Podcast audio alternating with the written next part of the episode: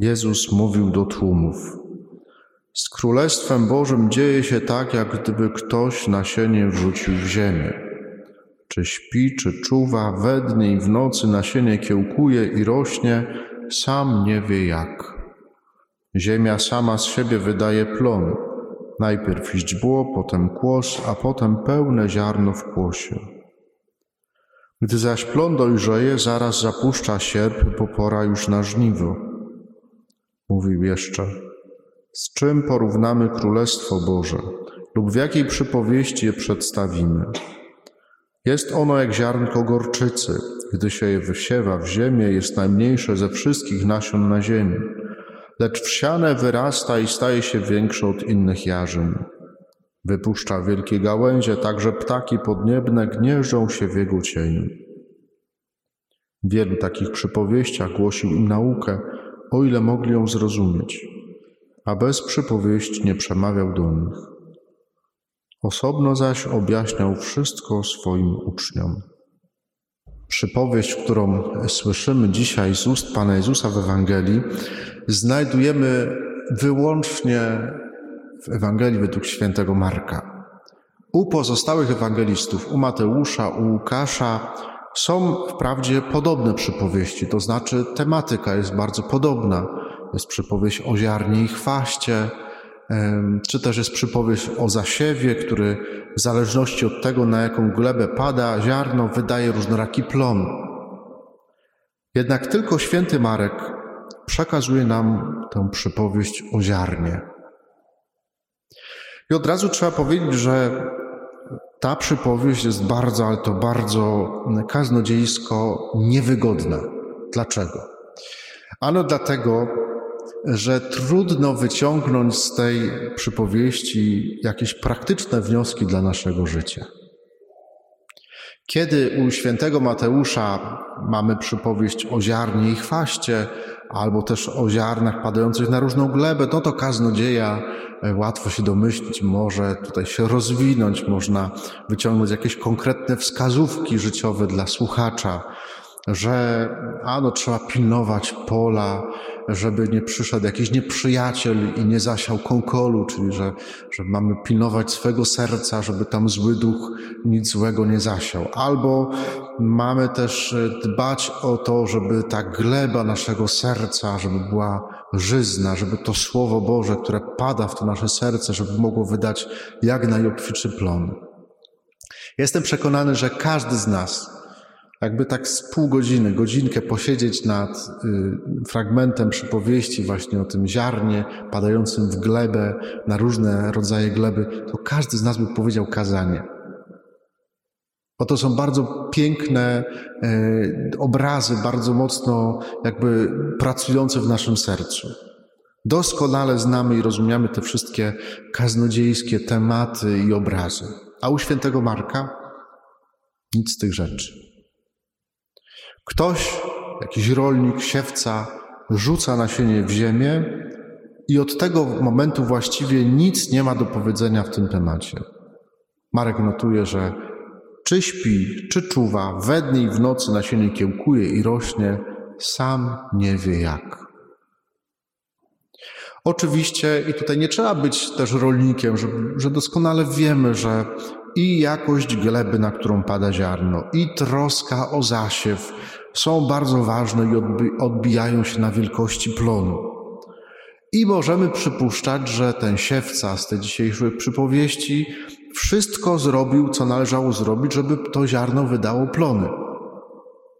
Ale u świętego Marka głównym bohaterem nie jest ani rolnik, który sieje ziarno, ani jego praca, ani gleba, na którą to ziarno pada.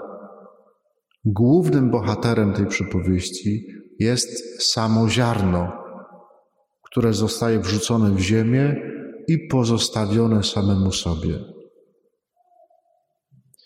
Nie jest więc to przypowieść o tym, co my jako chrześcijanie mamy robić albo czego mamy nie robić. To jest przypowieść o tym, jak Pan Bóg działa w naszym życiu.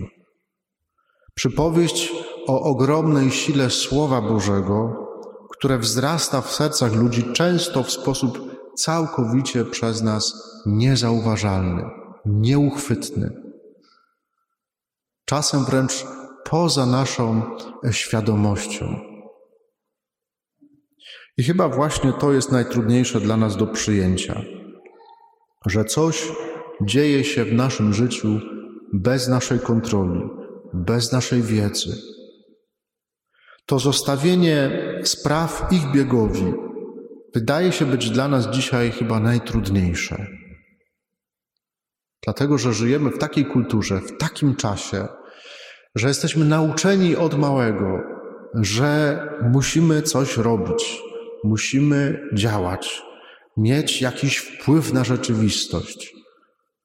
Musimy się za tym albo tamtym opowiadać, a jeszcze bardziej musimy koniecznie być przeciwko czemuś lub przeciwko komuś. Inaczej nie da rady. I jak nie, nie mamy wpływu na rzeczywistość, to czujemy się bezużyteczni. To czujemy się, że odstawieni na boczny tor. A kiedy sprawy dzieją się nie tak, jak myślimy, albo wymykają się z naszych rąk, jak dzieją się obok nas, to albo przeżywamy głębokie rozczarowanie, albo wpadamy w złość. Pomyślmy tylko, jak często, często spowiadamy się z tego, że denerwujemy się na kogoś albo na, na coś, na jakieś sytuacje.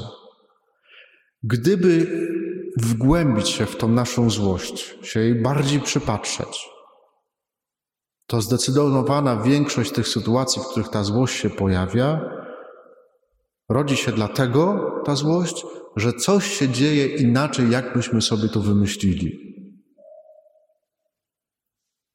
Możliwość kształtowania rzeczywistości, bycia aktywnym, twórczym, to nie jest nic złego.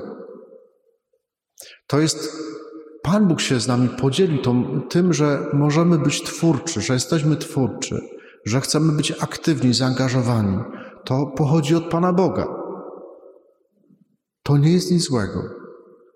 Ale także ta sfera naszego serca, została zraniona przez grzech pierworodny. Została wykrzywiona przez grzech pierworodny. I to, co tak naprawdę jest nasz, nas podobieństwem, bo Pan Bóg jest stworzycielem, czyli On się najbardziej angażuje we wszystko, co jest i, i dzieli się z, nam to, z tą mocą stwórczą, że możemy tworzyć. To to, to podzielenie się, ten dar podobieństwa do Pana Boga przez grzech pierworodny został za, wykrzywiony, zakłamany. I wskutek tego y, człowiek zamiast mądrze zarządzać tym, co Pan Bóg mu da, to uzurpuje sobie władzę decydowania o wszystkim, co jest. Próbuje y, zagarnąć taką absolutną władzę nad wszystkim, co ma, nad wszystkim, co posiada zapominając o tym, i o tym też Pan Jezus w przypowieściach mówi, że to jest dane nam tylko na chwilę, że to jest dane nam w zarząd. Jest nasze, a jednocześnie nie jest nasze, bo jest Pana Boga. Można więc powiedzieć, że dzisiejsze Słowo Boże przychodzi do nas z dobrą nowiną która bardzo się kłóci z takim naszym doświadczeniem życia codziennego. Ta dobra nowina mówi: zrób tyle, ile masz zrobić. I zrób to dobrze, a resztę zostaw Panu Bogu. Albo jeszcze inaczej, po prostu Bogu nie przeszkadzaj w Jego działaniu.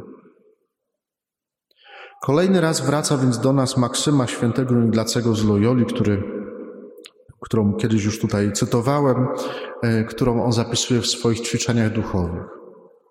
Święty Ignacy pisze takie słowa. Tak Panu Bogu ufaj, jakby całe powodzenie sprawy zależało tylko od Boga, a nie od Ciebie.